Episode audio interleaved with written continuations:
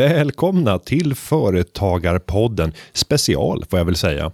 Jag heter Günther Mårder och är vd på Företagarna och idag så sitter jag helt ensam i studion. Det känns tråkigt och trist och faktiskt lite nervöst. Jag brukar alltid vilja göra de här poddinspelningarna tillsammans med en sparringpartner Dels för att det blir mycket mer spännande eftersom det blir en dynamik. Men också eftersom det eh, ger en mer tillfällen att kunna faktiskt fundera ut vad man ska säga för klokskap när den andra pratar. Nu ska jag göra ett sommarprat här alldeles själv och jag hoppas kunna bjuda på lite om mina tankar kring hur man bygger ett framgångsrikt liv. Vad är då framgång?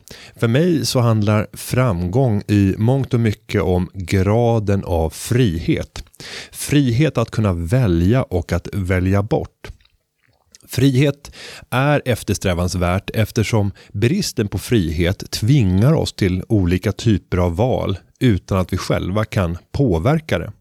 Jag vill hävda att friheten kan mätas inom väldigt många olika områden. Vi kan dels mäta det i form av eh, tidsmässiga friheter, vi kan mäta det i ekonomiska friheter, vi kan mäta det i normmässiga friheter. Men om vi börjar titta på vad som begränsar vår frihet i våra liv så kan det handla om till exempel våra inkomster. Inkomsterna sätter ju en gräns för vilka friheter vi har i vårt ekonomiska liv. Hur vi kan välja att leva, att prioritera i våra liv.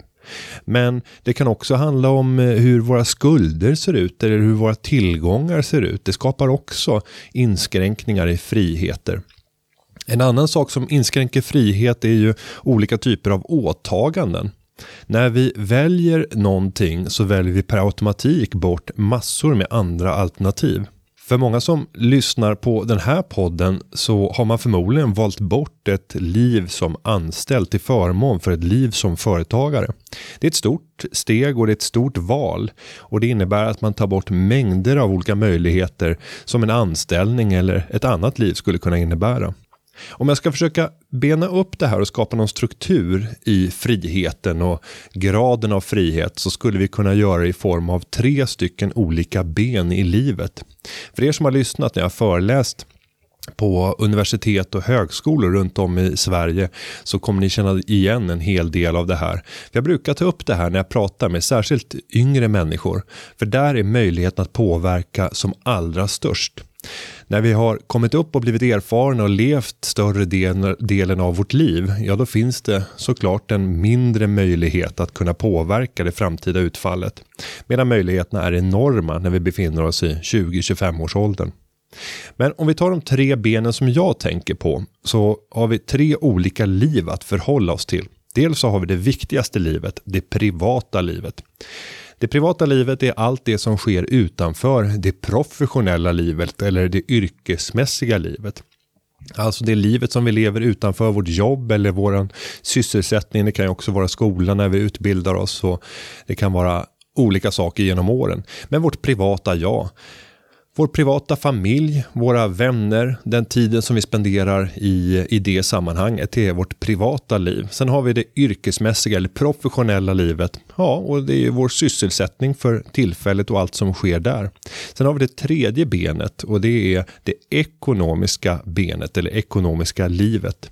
Vårt ekonomiska liv består ju dels av vilka inkomster vi har Eh, och vilka kostnader som vi har för varje månad. Men det handlar också om vilka tillgångar och skulder som vi har.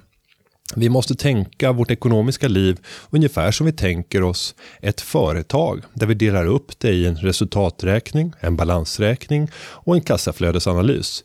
Samma grundtänk går att tillämpa i vårt ekonomiska liv som privatpersoner. Och många skulle tjäna oerhört på att faktiskt börja fundera i de termerna. För det ger helt nya perspektiv på möjligheter och omöjligheter i livet. De här tre benen hänger samman med varandra på många olika sätt eftersom de tillsammans bildar en helhet som vi kallar livet. Ska vi bli framgångsrika? Ja, då måste vi ha en balans här i, i de tre benen. Det är väldigt få som betecknar sig själva eller känner sig som framgångsrika genom att bara vara framgångsrika i ett av de här benen. Alltså antingen i sitt privata liv eller sitt yrkesmässiga eller sitt ekonomiska liv. Utan definitionen på framgång är ofta att man har en bra balans mellan de här tre där ett av benen i vart fall sticker ut särskilt och ger en, en, en, en stor tillfredsställelse och också en känsla av en hög grad av frihet. Jag kommer från den ekonomiska världen. Jag är skolad ekonom, jag har vuxit upp på marknaden, på aktiemarknaden. Och då fick jag tidigt lära mig att för att få avkastning så måste man ta risk. Det jag har kommit att lära mig genom livet det är att den här avkastningen och risk och det sambandet som finns däremellan det återfinns i alla delar i livet. Det återfinns också i det privata livet och det återfinns i det yrkesmässiga livet. Så för mig så handlar livet då om att eh, försöka balansera de här tre benen och veta när är det jag ska ta risk i olika skeden i livet och i vilket ben för att få den högsta avkastningen och på så sätt skapa det liv och den dröm som jag har under den stund som jag har här på jorden. Det jag nu kommer göra är att eh, försöka presentera mig själv och mina tre ben och förklara hur de här benen har kommit att utvecklas på olika sätt genom mitt liv. Och meningen med den här presentationen det är egentligen inte att ni ska sitta och lyssna på min livsberättelse i det yrkesmässiga, det privata och det ekonomiska. Utan det handlar snarare om att du själv ska fundera över om du skulle sitta och göra ett sånt här sommarprat eller träffa vänner eller nya bekantskaper eller kollegor på jobbet eller på det företag som du driver. Hur skulle du presentera den person du är? Vad är det som har format dig? Hur har du prioriterat i de här tre benen? Varför har du fått den avkastning som du de facto sitter med i dagsläget? Men jag tänkte nu börja med en presentation av mitt yrkesmässiga eller professionella jag. Och tanken är alltså att du själv ska fundera över hur har ditt professionella jag sett ut? Jag går tillbaka ungefär till 1994. Då var jag eh, 12 år gammal. Jag hade redan då börjat drömma om ett eh, liv som körsångare, en professionell korist. Att få sjunga i kör och göra det som sin profession, det var min stora dröm. Jag gick på Adolf Fredriks musikklasser och jag sjöng i Laurentzi gosskör och jag ägnade väldigt mycket av min vakna tid åt just körsång. Det kom aldrig att bli någon karriär som professionell korist och det främsta skälet till det är förmodligen att det är i princip inga i Sverige mig vetligen som kan försörja sig på klassisk körsång. Utan de flesta som just försörjer sig delvis på klassisk körsång, de är någonting annat också. Det kan vara att de är sångpedagog, det kan vara att de är musiklärare eller har något helt annat deltidsyrke vid sidan av som gör att de kan få en fullgod försörjning. Några år senare, och det här är lite svårt att placera om jag ska ta det i mitt yrkesmässiga eller i mitt privata jag. Men jag väljer ändå det yrkesmässiga för det påverkade väldigt mycket av mitt professionella jag. Då ville jag vara kängpunkare. Min storebror var sångare i bandet Total Sabotage och han var just kängpunkare. Och för den som undrar vad en just kängpunkare är så är det en liten hårdare del inom punken. Under den här tiden så var det väl andra vågen av punk. Den första vågen kom ju på 70 80-talet och den här andra vågen på 90-talet var något annorlunda för då hade det vuxit upp andra typer av punkgrenar, till exempel skatepunkarna som var någonting helt annat. Men det här var den gamla klassiska kängpunken. Och jag tror att det berodde på att jag ville närma mig min bror som eh, var tre år äldre. Jag ville vara mer med honom och få mer bekräftelse från honom och därför så valde jag att eh, lägga mig an hela den livsstilen som han levde. Jag kommer ihåg hur jag gick i syndikalisternas demonstrationståg på första maj och skrek svarta och vita tillsammans mot de rika. Och känner ni stanken från enskilda banken? Ja, det där är ganska långt bort ifrån den vardag som jag lever idag. Då jag är en av marknadsekonomins största försvarare. Och jag har levt nu hela mitt vuxna liv på aktiemarknaden. I mitt professionella liv så fortsatte jag sen och jag la ner punken eh, och fick jobba som snickarlärling. Jag hade tidigare jobbat som pinnpojke ute på bygget och fått börja som städare. Min eh, pappa startade ett byggföretag samma år som jag föddes och i det har vi barn fått skolats. Så att alla barnen har på olika sätt fått engagera sig antingen på kontoret eller ute på arbetsplatserna. Och jag var ute på arbetsplatserna och fick gradvis från varje sommar och jullov och andra ledigheter eh, klättra och lära mig nya typer av, av arbetsuppgifter. Så direkt efter gymnasiet så jobbade jag två år som snickarlärling. Sen lyckades jag ta mig in på Handelshögskolan efter att ha läst upp betygen på kvällarna då jag jobbade som snickarlärling. Det var en häftig tid på Handel så jag lärde mig otroligt mycket. Jag hade också eh, möjligheten och, och, blev vald till kårordförande på, på Handelshögskolan. Vilket gjorde att jag fick en helt annan inblick i de beslutande organ som finns på denna stora privata högskola som Handelshögskolan är. Även om det är en liten skola till antalet räknat så har den stor impact på samhället eftersom många av, av Sveriges chefer och ledare i samhället har just gått på skolan. Under den tiden så hade jag också engagerat mig i Unga Aktiesparare. Och det gjorde att eh, jag eh, fick lära mig allt mer om, om aktier. Jag hade gått i eh, genom lokalföreningsverksamheten varit ordförande i Stockholm Citys lokalförening i Unga Aktiesparare. Jag ska säga att det var inte utan motgångar. Det tog tre år innan jag lyckades klättra i styrelsehierarkin. Jag var med om två omröstningar där jag blev slagen av andra personer som blev valda till, till ordförande för lokalföreningen.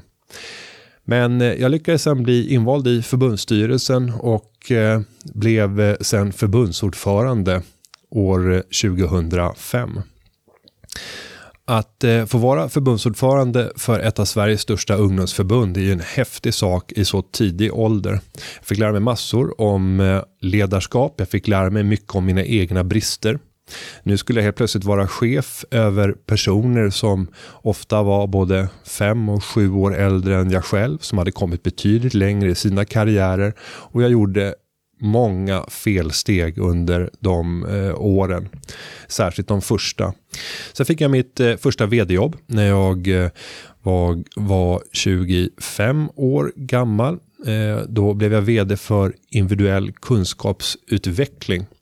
Ett företag som arrangerade extraundervisning i matematik och fysik och även eh, lite kemi, men framförallt matematik. Det var räknestugor löpande under veckorna och det var matematikkollon på sommaren och det var intensivkurser inför nationella provet för att höja betygen. Vi hade verksamhet i nio städer i Sverige och alla de städerna var universitetsorter. För där kunde vi komma åt lokaler helt gratis. Vi kunde gå till de matematiska eller naturvetenskapliga institutionerna och få dem att upplåta lokaler för att vi skulle ta dit gymnasieelever som fick känna på miljön eh, och bli undervisade och coachade av personer som själva pluggade på den institutionen vid tillfället. Och vi som företag gav de här jobb. Så det var en ganska bra affärsmodell och faktum är att vi var först i Sverige med det här, vilket gjorde att eh, marknaden låg ju helt öppen för oss eftersom det saknades alternativ till, till det vi erbjöd. Och sen hände det ju någonting när, det, när LexRut introducerades och det gavs in mängder av andra aktörer. Men eh, jag var inne i bolaget fram till 2008 då jag valde att, eh, att lämna. Då utbröt finanskrisen.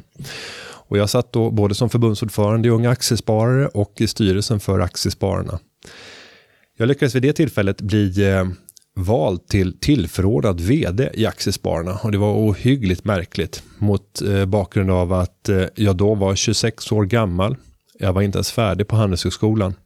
Men eh, Vd sa upp sig på sittande möte december 2008. Det var fullständig kalabalik på aktiemarknaden och så även inne i förbundet eftersom vi såg hur aktiespararnas ekonomi gick ner i botten då man tappade medlemmar och samtidigt föll aktieportföljen och intresset för aktier sjönk stadigt tillsammans med aktiekurserna.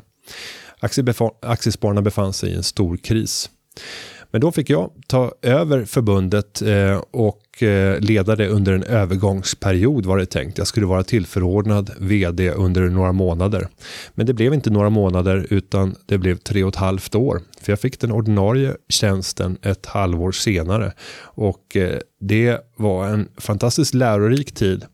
Men jag ska också säga att många gånger under den resan så gjorde jag återigen många snedsteg som gjorde att jag kände mig väldigt liten och eh, utsatt till följd av, av, att jag inte hade de erfarenheterna och kunskaperna som man kanske borde ha haft i en sån typ av roll. Jag var tvungen att göra väldigt stora neddragningar. Ungefär en fjärdedel av hela personalstyrkan sades upp under den tiden.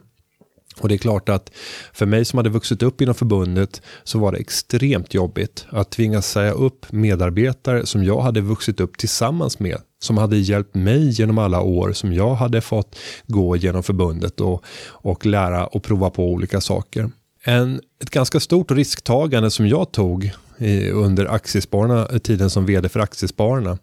Det var att eh, sen säga upp mig. I eh, Eh, efter ungefär eh, tre år så började jag och styrelsen ha olika åsikter om vägen framåt. Eh, vi var inte överens och jag hade som vd naturligtvis en skyldighet att alltid anpassa mig inför styrelsen och styrelsens instruktioner. Men när jag som vd inte tyckte att de instruktionerna kändes rätt eller när jag inte tyckte att den strategin var den som jag ville eh, faktiskt exekvera på och, och, leda förbundet med. Då blev det naturligtvis en, en konflikt. Men jag valde att ändå gå på min egen linje. Jag ville driva förbundet i den riktning som jag själv var övertygad om. För att annars kan jag inte med trovärdighet leda ett arbete. Och till slut så insåg jag att det här kommer bara sluta på ett sätt. Eh, jag kommer att få sparken om jag fortsätter att driva den här linjen. Och då var det bättre för mig tyckte jag att säga upp mig från jobbet trots att jag var nyfyllda 30 år eh, så valde jag ändå den linjen. Och man kan säga att det är ett högt risktagande eftersom eh, att som 30-åring ha ett sånt jobb, att vara vd för ett förbund med 70 000 medlemmar, ja det är få förunnat. Eh, att kunna ha den ersättningen som man då har för ett sånt arbete, det är nästan ingen i den åldern som har. Och att få jobba med aktier som jag tyckte var det absolut roligaste som fanns i livet. Nej, det var väldigt mycket som stod på spel.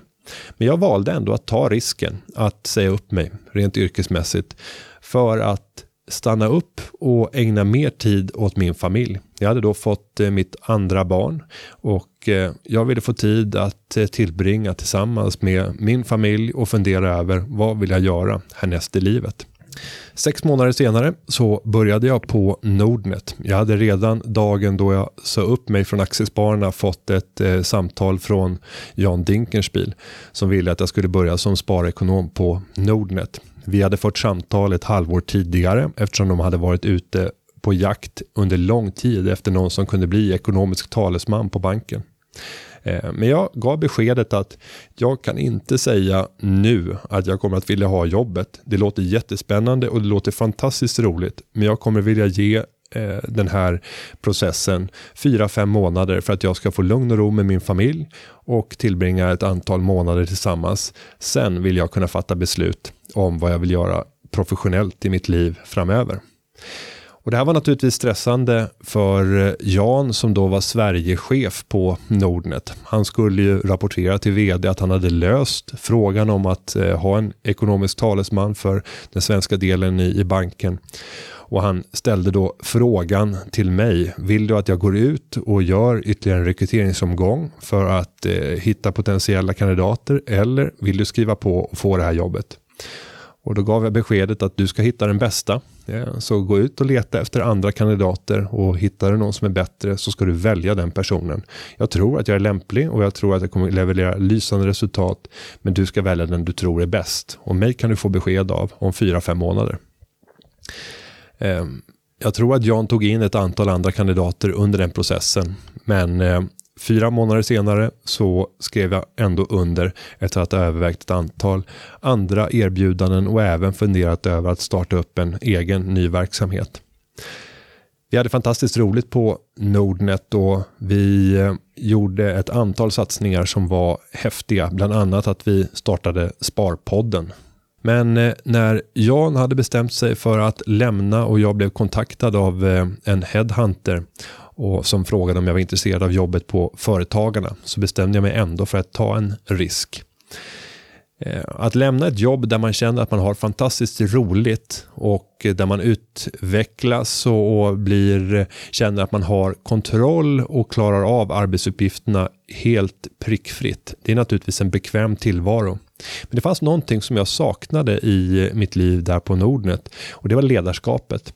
Eftersom jag hade jobbat med ledarskap hela livet tidigare så vill jag tillbaka för att testa min eh, ledarskapsförmåga och inte tappa bort den möjligheten och friheten att kunna få välja eller välja bort en chefskarriär även i framtiden. Att eh, dessutom få diskutera chefsjobbet på Företagarna var särskilt intressant eftersom det handlar om det som jag faktiskt har investerat i under hela mitt liv. Jag har investerat i företagare, i deras idéer, i deras dådkraft. Det har ju hela mitt liv handlat om när jag investerat i aktier. Jag har varit runt på företagsbesök ända sedan jag var 14 år gammal för att träffa företagare. Och när jag har gått därifrån så har jag hela tiden funderat över vilka är möjligheterna? Vilka är riskerna? Vill jag investera i det här företaget? Och så har jag landat i en slutsats som i vissa lägen har lett till att det har blivit en affär. I andra lägen så har jag avstått. Jobbet på Företagarna som jag senare fick, vilket jag är otroligt glad över, eh, har inneburit att jag fortsätter att vara på de här företagsbesöken. Nu är de här företagarna medlemmar i förbundet och dessutom så funderar jag inte på om jag ska investera i företaget eller inte när jag lämnar det här företagsbesöket utan snarare på frågan hur kan jag hjälpa dig att bli mer framgångsrik som företagare?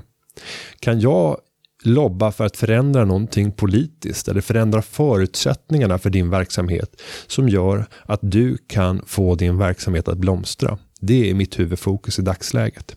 Och det känns lite ädlare än det tidigare mer egoistiska investeringsperspektivet som jag hade. Det här var min presentation av mitt professionella jag. Den känns förmodligen väldigt bekväm för de allra flesta. Men eh, det ger inte en speciellt bra bild över vem jag egentligen är som människa. Om jag skulle presentera mitt, ekono eller mitt privata liv så skulle jag framförallt gå tillbaka till eh, körtiden, för det var då mitt kompisgäng formerades. Det var ett kompisgäng av en handfull personer som eh, redan som 14-åringar började hänga tillsammans och tillbringa i princip all ledig tid tillsammans med. Det här kompisgänget har följt mig genom hela livet och vi är fortfarande de närmsta vännerna i dagsläget, även om det har gått över 20 år sedan dess. Skillnaden nu det är att alla befinner sig på helt olika banor. Det enda som förenar oss det är körsången från barndomen. Eh, jag fick sen vara med i mitt privata jag, i min familj och min skilsmässa. Mina mamma, min mamma och pappa gick skilda vägar.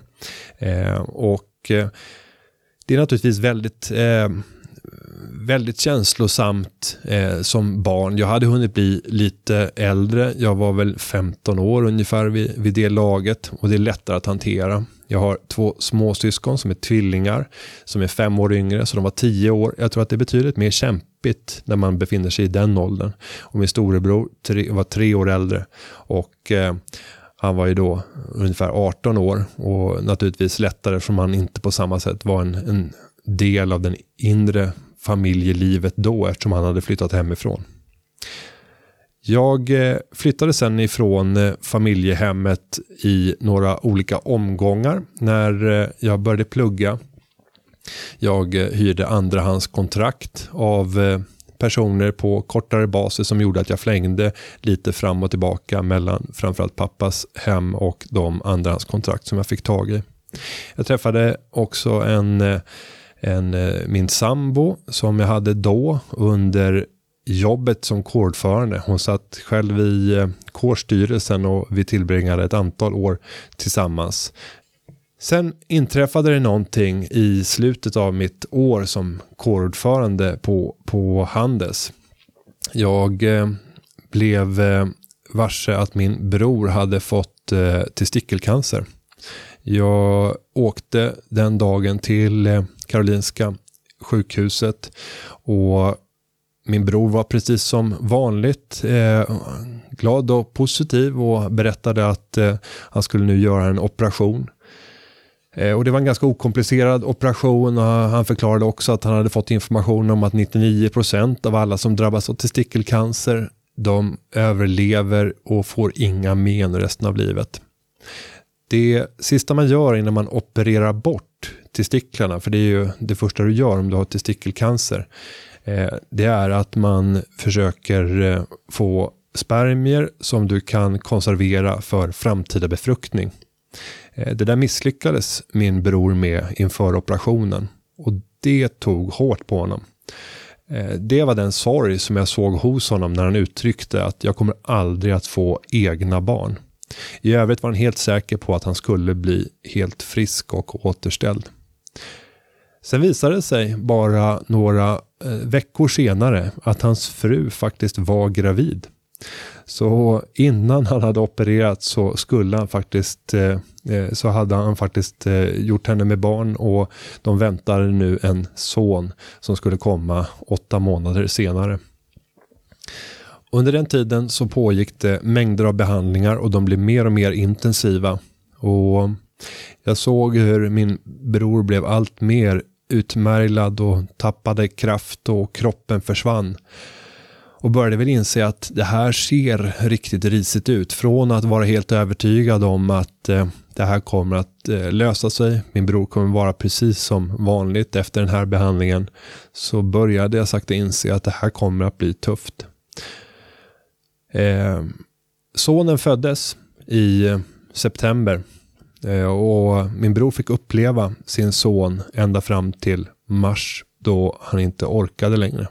Då hade cancern spritt sig i så många delar av kroppen att det inte gick att, eh, att rädda. Och jag minns i eh, slutet, den sista veckan, när vi var på plats på sjukhuset.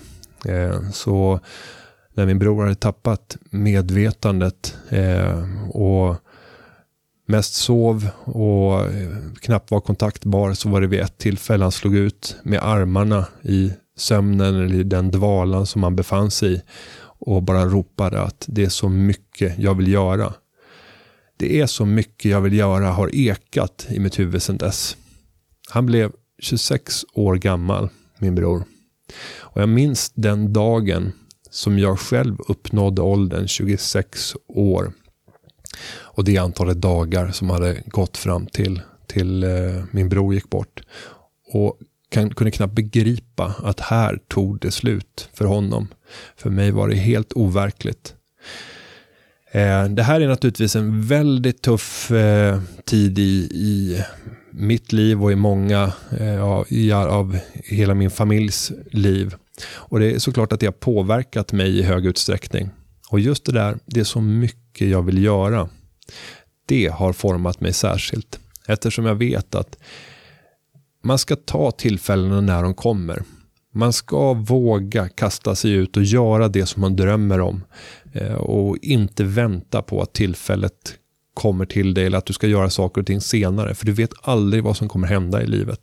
Så det här har gjort att jag kanske är lite mer våghalsig. Jag var lite snabbare i mina beslut än vad jag skulle vara om jag inte hade med mig det här i bagaget. När jag sen hade blivit, eh, och jag ska säga att under den perioden som följde efter att min bror gick bort så tog jag en paus från det mesta i mitt liv. Jag tog paus i studierna, jag tog eh, paus ifrån eh, ordförandeskapet i Unga Aktiesparare och styrelsen i Aktiespararna under ett halvårs tid innan jag successivt började komma tillbaka.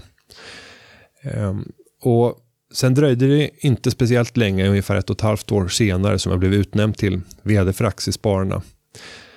Och då var jag, hade jag brutit upp med, eh, med min eh, sambo och eh, jag var singel och, och, reste runt på årsstämmor och höll presentationer ute i Sveriges lokalföreningar i Aktiespararna. Jag träffade i princip bara äldre män och kvinnor, för det var de som hade tid att gå på de här årsstämmorna och gå på aktieträffarna sent på, eller på kvällarna. Men sen på en årsstämma i Electrolux i mars 2009 så hände det någonting. Jag eh, var redo att gå upp och ställa kniviga frågor till Hans Stråberg som då var vd. Eh, men eh, Marcus Wallenberg som lämnade ordet fritt för frågor gav inte ordet till mig som vd för Aktiespararna utan han gav ordet till en tjej som hette Caroline Häggqvist. Hon ställde ett antal frågor till Hans Stråberg och jag kommer ihåg att jag imponerades över träffsäkerheten i frågorna. Och jag minns också hur jag attraherades både av intelligensen men också av att hon var otroligt vacker. Och sen ska, väl, ska det väl även tilläggas att hon också var ett kraftigt undantag eftersom hon själv var i min egen ålder eh, och vi var i princip inga yngre som deltog på de här stämmorna. Jag blev väldigt intresserad och drömde mig bort om att plötsligt få leva tillsammans med den här aktieintresserade och kunniga kvinnan. Det dröjde ungefär tre månader efter den stämman till dess att eh, Caroline valde att åka upp till Stockholm eh, under en hel helg utan att veta vad som egentligen skulle hända. Och eh, vi tillbringade hela den helgen tillsammans och fortsatte sen att vara ett par efter den helgen. Däremellan ska jag säga att det hände en, en hel del märkliga saker där jag försökte söka kontakt med henne eh, på ett professionellt och ibland icke-professionellt sätt. Men det får jag spara till något annat tillfälle. Och vi har nu levt tillsammans sedan eh, sommaren 2009 och vi har tre barn tillsammans en eh, son som snart fyller sex år och en dotter som är fyra och en liten son som är knappt ett halvår gammal. Den här historien, det privata jaget, pratar vi väldigt sällan om. Jag tror inte att du har speciellt mycket kunskaper om det privata hos dem som du har i ditt yrkesmässiga jag. Oavsett om det handlar om dina studiekompisar eller om det handlar om dina kollegor eh, på, på ditt arbete eller i andra sammanhang. Men jag vill mana dig till att våga öppna upp, våga berätta för varandra hur ert privata jag ser ut. För det är först när ni delar med er av de erfarenheterna och de sakerna i ert liv som har format er som ni kan bli tajtare som grupp och också lära er hur ni kan komplettera varandra och varför olika personer kommer att agera som de gör i olika lägen. Det skapar en bättre förståelse för varandra. Nu ska jag avslutningsvis göra en presentation av eh, mitt ekonomiska jag för er som fortfarande finns kvar och lyssnar efter den här långa sändningen. Mitt ekonomiska jag börjar egentligen med att eh, min mor och far köpte premieobligationer till mig. Varje barn har fått 10 000 kronor i eh, sparande som vi har fått överta när vi var 18 år gamla. Men jag nöjde mig inte med att vänta till 18 års ålder. Utan de här premieobligationerna som mamma och pappa hade köpt började jag banna dem för när jag var 14 år. Jag insåg att premieobligationer kommer aldrig att kunna göra mig förmögen. Jag kommer aldrig att kunna få ekonomiska friheter eftersom det är ett lotteri med högst eh, dåliga odds för att kunna vinna storvinsterna. Betydligt högre sannolikhet är det att faktiskt vinna stort genom att investera i företag som växer och producerar värden och aktiemarknaden har gett en överlägsen avkastning i förhållande till obligationer under den tid som jag har levt. Så jag sålde av de där premieobligationerna efter att jag hade övertalat min mamma och pappa om att jag skulle investera på aktiemarknaden då jag hade engagerat mig i Unga Aktiesparare. Och de där 10 000 kronorna blev inte 10 000 kronor när jag sålde för det var höga avgifter på den tiden som gjorde att jag hade väl kvar ungefär 9 000 lite drygt som jag investerade. Samtidigt så jobbade jag på bygget som städare och pinnpojke och fick in nya pengar som jag investerade. Och det gick bra. Det här var i slutet på 90-talet. Jag började 1996. Och de åren som följde där var fantastiska. Och mina investeringar steg kraftigt i värde. Jag tog högre och högre risker och belönades för det. Och ganska snabbt så bestämde jag mig för att det här kommer vara mitt liv. Jag kommer försörja mig på att vara investerare. Och jag förstod också att om min avkastning fortsatte att vara så hög som den hade varit eh, under den här perioden så innebar det att jag kunde sätta högt mål för vad jag skulle eh, ha dragit in vid en viss ålder. Jag satte ett mål 25 25. Ett enkelt mål och det är tydligt. När jag är 25 år så ska jag ha 25 miljoner kronor. Och jag började alltså med 10 000 kronor när jag var 14 år gammal. Det här visar lite grann min bristande analytiska förmåga. Redan här har jag blottat att eh, jag har en tendens ibland att sätta alldeles för höga målsättningar. När jag nu hade sagt det här höga målet så skulle jag sätta en strategi. Och den strategi som jag satte, den var helt rätt givet det högt ställda målet. Och om man ska lyckas få en så liten summa pengar som jag hade att växa till 25 miljoner på så få år, ja då måste du naturligtvis ta extrema risker och du måste hitta just det där bolaget som kommer att revolutionera världen. Att hitta Apple och investera i bolaget precis innan de släppte sin första iPhone. Eller att hitta Hennes och Maurits precis när de valde att börja expandera in i Tyskland. Eller att hitta andra typer av bolag som får vara med om en fantastisk resa under de kommande tio åren. Problemet är att vi aldrig vet vilka de här företagen är. Men jag trodde mig ha hittat företaget med stort F. Företaget tillverkade automatiska bensinrobotar. Man kunde alltså tanka sin bil med hjälp av en robot. Bolaget hette Autofill. Jag investerade alla pengar jag hade och lite till. Jag belånade mina aktier med aktierna som säkerhet för att få ytterligare aktier i bolaget. Och sen var det bara att vänta på att det här skulle få genomslagskraft. Jag visste ju att år 2016 så skulle ingen människa överhuvudtaget befatta sig med en pump. Att med en hand hålla i en pump och fylla sin bil med bränsle. Nej, det här skulle skötas av robotar. Och jag såg en världsmarknad som skulle komma att explodera. Men jag vet inte hur många av er som har tankat på en tankrobot. Det fanns faktiskt eh, prototyper som fungerade. En i telefonplan utanför Stockholm och en utanför mm, i, i norra Stockholm i Mörby.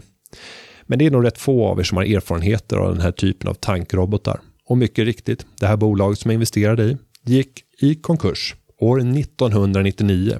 När övriga börsen steg med 66 procent det året, ja, då förlorade jag alla mina pengar. Jag gick ner till noll. Min strategi 25-25 var nu helt orealiserbar. Jag skulle aldrig klara att nå dit förstod jag. Och jag var tvungen att lägga om. Jag fortsatte att jobba ännu mer på bygget. Jag gick ut gymnasiet och valde att lägga två år av mitt tid på bygget och la undan varenda krona jag kunde. Då hade åren hunnit bli 2001, 2002 och 2003 och aktiemarknaden bara föll och föll. Men envetet så fortsatte jag att investera, men nu i bolag som hade bevisade kassaflöden, som oftast hade en schysst utdelning, men fortsatt god tillväxtpotential. Jag hade ungefär ett tiotal aktier i 56 olika branscher och genom den riskspridningen så var jag garanterad att inte behöva förlora alla mina pengar vid ett enskilt tillfälle, vilket jag då hade erfarenhet av. Portföljen började successivt att växa och jag satte en ny placeringsstrategi som innebar att jag skulle vara ekonomiskt oberoende vid 40 års ålder. För att bli det så räknade jag ut att det kommer att behövas ungefär 13 miljoner i finansiella tillgångar vid 40 års ålder. Och då räknas alltså inte tillgångar som du har låsta i ditt boende eller annat eh, med i den beräkningen, utan 13 miljoner i fria finansiella tillgångar. Och med den strategin så behöver jag inte ta lika mycket risk. Jag visste att jag skulle behöva komma att jobba hårt, att jag skulle behöva göra bra investeringar, att få en avkastning på strax över 10% per år skulle vara nödvändigt. Men faktum är, när jag tittar tillbaka på de här åren från 2002 fram till idag så har jag faktiskt eh, legat eh, i linje med den här planen eller till och med något före. Så nu när jag är 34 år så säger prognosen att vid 37-38 års ålder så kommer jag ha nått det ekonomiska målet. Om det inträffar en stor finansiell kris, vilket är inte helt osannolikt faktiskt de närmsta åren, ja, då kommer det förmodligen bli vid 40-41 års ålder. Men däromkring så kommer jag nå mitt ekonomiska mål. Det kommer att innebära att jag kommer inte att behöva jobba för att ha en försörjning. Eh, jag skulle redan idag kunna försörja mig på det kapital som jag byggt upp. Men min grundkalkyl baseras på att jag ska kunna överräcka de här 13 miljonerna till nästa generation, alltså till mina barn. Jag ska kunna leva bara på avkastningen på pengarna. Och Sen ska man vara ärlig och säga att jag kommer absolut inte att vilja sluta jobba när jag är eh, 40 år. Jag kommer förmodligen att jobba ännu hårdare men fördelen det är att man har byggt upp en styrka i det ekonomiska benet genom att vara väldigt sparsam och investera så mycket det bara går. Jag ska lägga till att under den här perioden så har jag levt nästan som en student under åren som vd för Aktiespararna. Jag hade inledningsvis en månadsbudget på 8000 kronor. Eh, det är nivåer som man inom politiken säger är närmast omöjligt att leva på. Jag levde på den omkostnaden under ganska lång tid. Sen när vi fick barn så lyfte jag månadskostnaden till eh, 10-12 000 kronor och idag skulle jag definiera att jag närmast har ett lyxliv och idag så lever vi på en total kostnad för hela familjen, vi är fem stycken, på 22 000 kronor i månaden. Alltså en levnadsomkostnad som är lägre än de flesta i Sverige. Vi lever till lägre kostnader än majoriteten i Sverige. Och samtidigt så är vi två stycken personer som har ett jobb och tjänar rätt bra, vilket gör att det blir väldigt stort utrymme för att faktiskt spara och investera. Men det här gör jag för att få en ekonomisk frihet.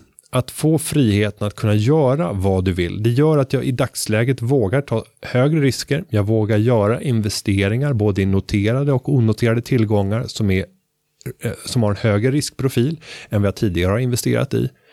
Och det kommer förväntas att ge mig en högre avkastning framöver, även om det kommer vara stora spridningar i utfallet längs vägen. Nu har jag berättat om mitt ekonomiska jag. Ja, målet med det här är inte att ni ska få en inblick i min privatekonomi, utan snarare att ni själva ska fundera över hur skulle ni presentera er om ni presenterade ert ekonomiska jag?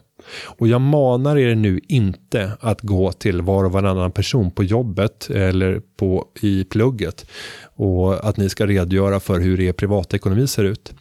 Men jag vill ändå att ni funderar över hur ska berättelsen se ut om fem år, om tio år? Vad är det som är viktigt för er? Hur ska ni balansera det professionella, det privata och det ekonomiska? Min uppmaning till er är att hela tiden se till att två ben står stadigt. Eh, ett ben får falla och det kommer att falla. Man vet inte vilket som kommer att falla. Men det som är lättast att kontrollera det är faktiskt ekonomiska benet. Genom att ha väldigt låga omkostnader i livet så kan du öka sannolikheten för att det ekonomiska benet kommer att stå stadigt. Ja, med det här långa sommartalet så hoppas jag nu att du kan skrida till verket. Kanske har du fortfarande några dagars semester kvar eller så närmar det sig snart en helg. Ta någon timme, gå ut och ta en promenad och fundera över hur vill du att ditt liv ska se, se ut? Yrkesmässigt, privat och ekonomiskt. Sätt upp en plan för ditt liv. Rita upp en målbild om 5-10 år. Hur stort är gapet för att kunna nå det här? Diskutera med dina nära och kära, med dina kollegor om eh, vilka förutsättningar som finns för att du faktiskt ska kunna nå dit. Och i den resan så hoppas jag att du får bygga den högsta möjliga graden av frihet där du får möjlighet att säga ja eller nej. Nu återstår bara för mig att önska en fortsatt glad sommar. Jag som har sommarpratat heter Günther Mårder och är VD på Företagarna. Ha det så bra. Tack! Företagarna, ja, ja, ja.